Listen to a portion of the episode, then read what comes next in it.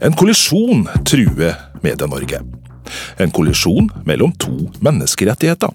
Altså For eh, pressen så er kildevernet helt avgjørende.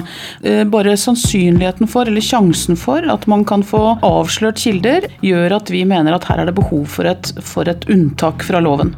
Hensynet til ditt personvern står opp imot pressens kildevern og din rett til ytringsfrihet. Og som du hører, mener generalsekretær Elin Floberghagen i Norsk Presseforbund at hensynet til personvern må vike.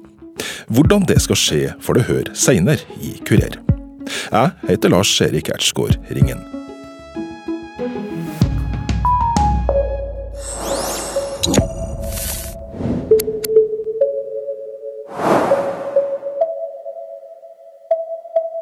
Briefly, what GDPR is all about is it's the general data protection regulation uh, that the uh, EC, part of the uh, European Commission and the EU, put in place that'll go active on uh, May 25th of 2018. And the intent is to actually Nasjoner i hele Europa er nå i ferd med å innføre nye lover og regler for å beskytte vårt personvern i en moderne verden. EUs personvernforordning skal pga. EØS-avtalen også få plass i de norske lovene før den 25. mai 2018. Det er allerede laga et utkast av den norske versjonen av de nye personvernlovene, som er ute på høring.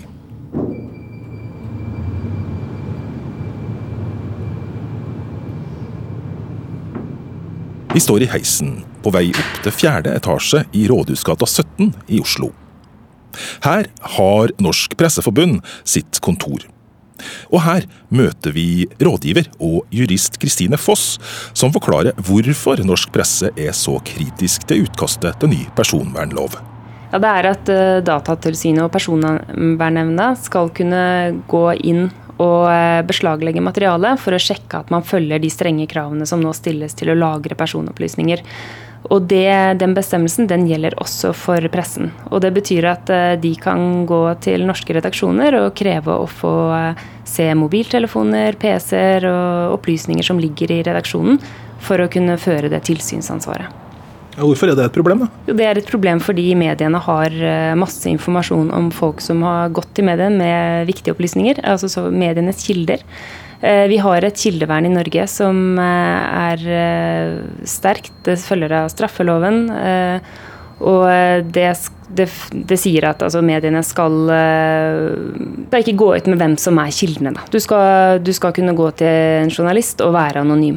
Og hvis, samtidig, hvis, vi samtidig har en bestemmelse som sier at Datatilsynet kan banke på døra og få utlevert alt av informasjon i en redaksjon, så kan de også få utlevert kildeinformasjon. Og det har vi problemer med. Hvor alvorlig er det om denne lovteksten blir stående? Det er veldig alvorlig, fordi eh, vi mener at det griper direkte inn i kildevernet. Eh, vi kan ikke ha en bestemmelse som sier at Datatilsynet kan beslaglegge materiale med kildeinformasjon. Det handler både om den konkrete faren, om at de får tilgang til kildeopplysninger, men det handler jo også om at folk da ikke kan ha tillit til at mediene faktisk bevarer denne informasjonen innad i redaksjonen. Og det er et kjempeviktig prinsipp, og det er, kjempe, altså det er en veldig viktig eh, funksjon òg, fordi at eh, folk skal kunne vite at eh, de kan gå til pressen og være trygg på at informasjonen blir i redaksjonen. Foss forklarer at loven kan skade samfunnet om den blir stående slik den er formulert i forslaget. Samfunnet går glipp av viktig informasjon hvis mediene ikke kan eh, sikre kilder, at de kan komme og snakke med dem anonymt. Eh, det kan være en ansatt på et sykehus som varsler om uverdige forhold. Eh, og som går til mediene, men som ønsker å holde hennes identitet skjult. Og det er kjempeviktig at mediene skal kunne garantere for, for anonymiteten her. Samfunnet som helhet tjener på at vi har et sterkt kildevern i Norge. Juristen i Norsk Presseforbund tror det kan bli dramatisk om pressen ikke får det fritaket de ønsker. Ja, i den grad dette faktisk skjer, da, hvis Datatilsynet velger å gå inn i en redaksjon, så, så, er jeg sikker på at norske redaksjoner kommer til å eh, holde på sitt materiale. Og det har de også plikt til etter straffeloven.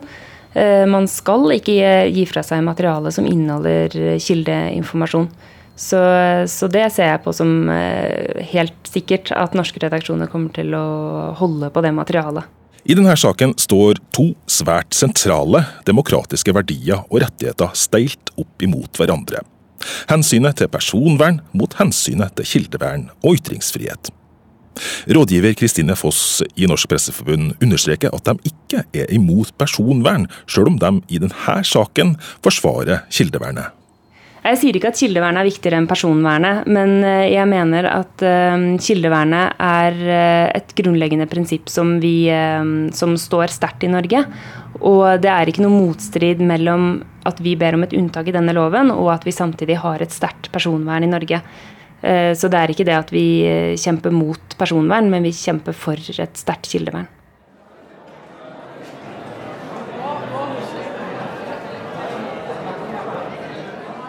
Den nye personvernloven, som altså kommer om et halvt år, er en omfattende omlegging av det norske lovverket. Og Derfor arrangerte Juridisk fakultet ved Universitetet i Oslo sist uke en stor konferanse om temaet. Førsteamanuensis Emily Weizenberg, som er ekspert på personvernlovgivning, var en av de som holdt foredrag.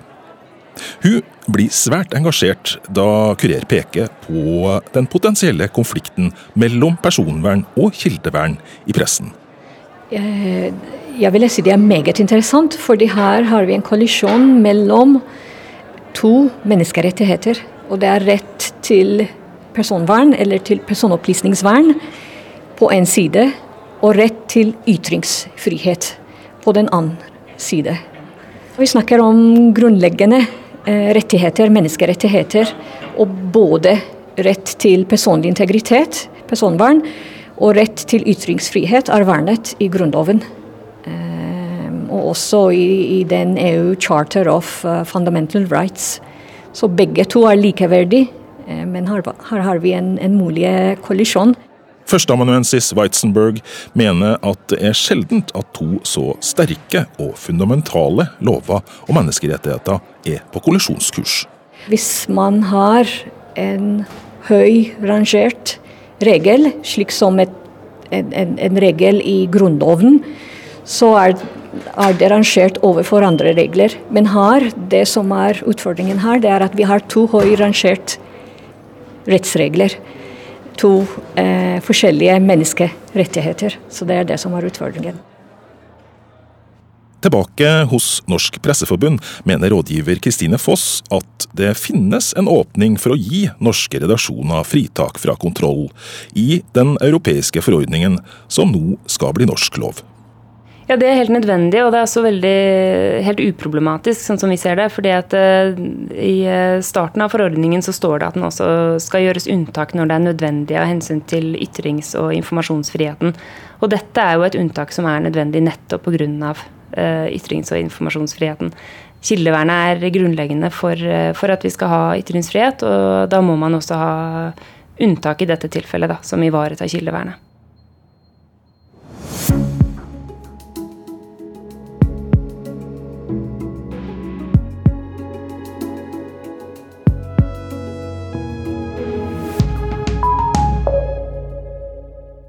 I Norge har pressens behov for å beskytte sine kilder blitt utfordra flere ganger de siste årene. Jeg åpner eh, kjøkkendøren og spør eh, hvem er dere, og de eh, sier at de er politi. Viser meg deres eh, ID-kort og ber om å få prate med meg og Adele. Meg viser de et eh, ransakelsespapir. Det heter jo ikke ransakelse på norsk, det heter begjær om beslag, heter dette papiret, har jeg lært meg. Men jeg fikk ikke lov å beholde papiret, for de sa at det var hemmelig. Så det kunne jeg ikke beholde, jeg kunne bare få lest det der og da.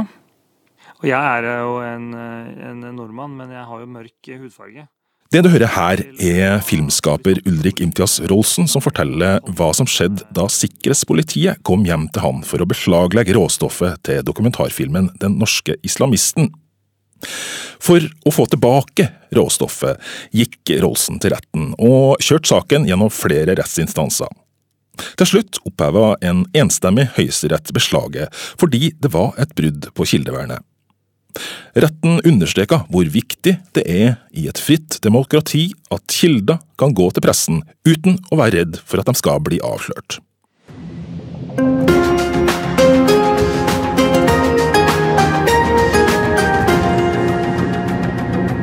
Det har gått 17 minutter etter de første skuddene på Utøya, og den første politibilen med to tjenestemenn fra Hønefoss rykker ut. De er bevæpnet og har verneutstyr.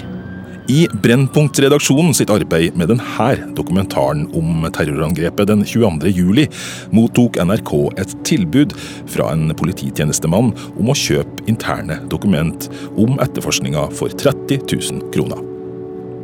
Redaksjonen avslo tilbudet, men politiets interne etterforskningsorgan ville gjerne ha navnet på den utro tjenestemannen. Det mente redaksjonen ville ha vært et brudd på kildebeskyttelsen, og saken endte i retten.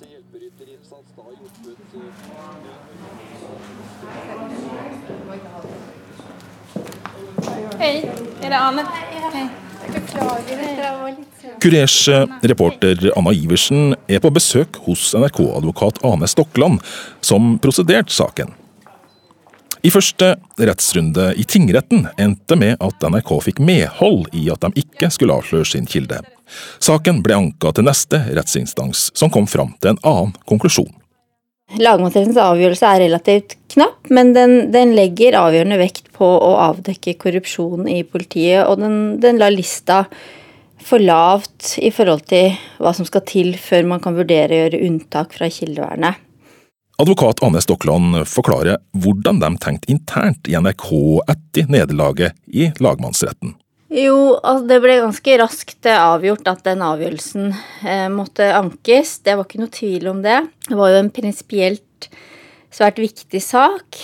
Et absolutt kildevern det er jo en del av den journalistiske yrkeskodeksen i alle vestlige land der pressefriheten er en viktig del av, av uh, demokratiet. Og det er jo ansett som så viktig at journalister heller går i fengsel uh, enn å oppgi kilden sin. Så det, det var ikke noe tvil om at den avgjørelsen skulle ankes. Saken havna til slutt i Høyesterett, som i 2013 avgjorde at hensynet til kildevernet må veie tyngst også i denne saken.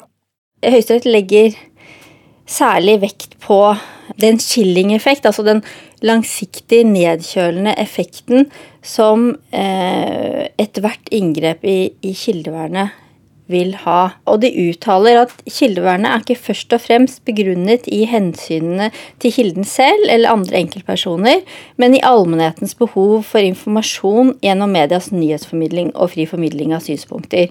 Dersom journalister røper kilder, vil dette kunne ha en dempende effekt på potensielt fremtidige kilder. Og her er vi i kjernen for begrunnelsen av kildevernet. Altså, man kan si at enhver, enhver antydning til at mediene blir oppfattet som politiet eller myndighetenes forlengede arm, vil ha en nedkjølende effekt på medias fremtidige muligheter til å motta informasjon og avdekke kritikkverdige forhold. Så hva sier denne dommen om hvor viktig kildevernet er i Norge? Ja, den, den, stadfester jo at, eh, at, det skal svært mye til for å gjøre inngrep i kildevernet. At det er rettslig sett tilnærmet absolutt, eller at det må foreligge svært tungtveiende hensyn for å gjøre inngrep i kildevernet. Høyesterett er jo, som navnet sier, høyeste rettsinstans i Norge. Men i Europa har vi en instans som står over de forskjellige landenes høyeste rettsinstans, Menneskerettighetsdomstolen i Strasbourg. NRK-advokat Ane Stokland forteller at viktigheten av europeisk kildevern er stadfesta gjennom flere saker her. Altså når, når jeg prosederte saken Høyesterett, så var det forelå det tolv avgjørelser fra Menneskerettighetsdomstolen om kildevern, og ingen av de avgjørelsene tillot Menneskerettighetsdomstolen inngrep i kildevernet. Nå det, foreligger det noen flere, men så vidt jeg vet er det fortsatt ikke noen av avgjørelsene som tillater inngrep i, eller unntak fra kildevernet. Og en av de sakene som er behandla av Menneskerettsdomstolen etter 2013 er norsk, forteller rådgiver Kristine Foss hos Norsk Presseforbund. Vi hadde en sak nå for et par måneder siden hvor Norge ble dømt i Menneskerettighetsdomstolen for inngrep i ytringsfriheten som følge av at man ikke ivaretok kildevernet. Det var en journalist i Dagens Næringsliv som ble pålagt å vitne om en kilde. Og da mente Høyesterett at fordi kildene hadde stått fram selv offentlig, så var det ikke nødvendig at journalisten holdt på at ikke hun skulle røpe kildevernet. Men eh, Menneskerettighetsdomstolen mente at det at, man, at, journalister ikke blir pålagt å vitne, det er så viktig av hensyn til fremtidige kilder. At man skal ha den garantien at eh, ikke en journalist seinere står og forklarer seg om deg som kilde. At det kan man ikke pålegge en journalist. Men alt er ikke bare rosenrødt i Europa for pressens mulighet til å beskytte sine kilder. What we're going to see as a result is a chilling effect. Uh, there are uh, sources are going to be increasingly um, frightened, per perhaps, to talk to journalists if they have no reasonable expectation of privacy um, and of anonymity. I juni i år kunne du her i eh, Kurer høre eh, Rebecca Vincent fra Reportere uten grenser i Storbritannia fortelle hvordan nye, strenge terrorlover nå står i fare for å undergrave folks tillit til kildevern der. I samme program kunne du høre hvordan flere andre europeiske land er i ferd med å innføre lignende lover. Norsk presse ber altså om et fritak, sånn at myndighetene ikke skal kunne gå inn i landets redaksjoner for å sjekke om de følger de nye personvernlovene. Spørsmålet blir da om vi kan stole på at mediene følger loven. Vi stiller spørsmålet til Kristine Foss hos Norsk Presseforbund. Dette har pressen eh, et enormt fokus på i dag. Eh, hvis vi skal klare å ivareta et eh, sterkt kildevern, så må vi ha sikre løsninger for lagring av personopplysninger. Så uavhengig av denne personopplysningsloven, så har mediene i dag løsninger som sikrer dette. Og det er jo ikke sånn at vi ber om unntak fra hele loven, vi ber kun om unntak for det som går på tilsynsansvaret. Så de samme reglene gjelder jo for mediene. Det er bare det at vi uh, mener at uh, Datatilsynet ikke skal kunne komme og innhente opplysninger fra norske redaksjoner. Norsk Presseforbund sier altså stol på oss. Hei og velkommen til Mediapuls, programmet som tar pulsen på digitale og sosiale medier. Og mitt navn er Hans Petter Nygaard Hansen. Og jeg heter Marius Karlsen, og velkommen til episode 280. Marius Karlsen har lang fartstid i pressa sjøl, og jobber nå som digital rådgiver og medieanalytiker. Han er ikke helt trygg på at pressa vil gjøre jobben godt nok i forhold til personvernet vi skal ikke stole på noen. Uten å være paranoid skal man ikke stole på noen. Eh, altså, Om du lagrer informasjon om kildene dine på en måte som gjør at noen kan få tak i dem, da gjør du ikke jobben din. Og om kildevernet i, i mediehuset du jobber i, består av at ingen fysisk går inn i lokalene dine og tar seg til rette, så har du et alvorlig, alvorlig problem. Altså, da, da lever du i en annen tidsalder. Jeg mener jo at Norsk Presseforbund egentlig bør bekymre seg mer for utenlandske myndigheter og, og 14 år gamle hackere med for masse fritid enn for en EU-lov eller norske myndigheter. Den digitale medieanalytikeren mener at det er helt klare utfordringer i norske redaksjoner. Han mener at kildenes tiltro til den digitale kildebeskyttelsen derfor er sviktende. Det, det, er ikke helsvart, eh, og det har blitt mye bedre de siste årene. Spesielt ser vi at enkelte mediehus uh, av de store mediehusene har tatt grep uh, og blitt bedre og fokusert på digitalt kildevern. Men, men, i det store og det hele så er fokuset på kildevern altfor svakt blant norske mediehus. De tenker veldig gammeldags når det kommer til kildevern.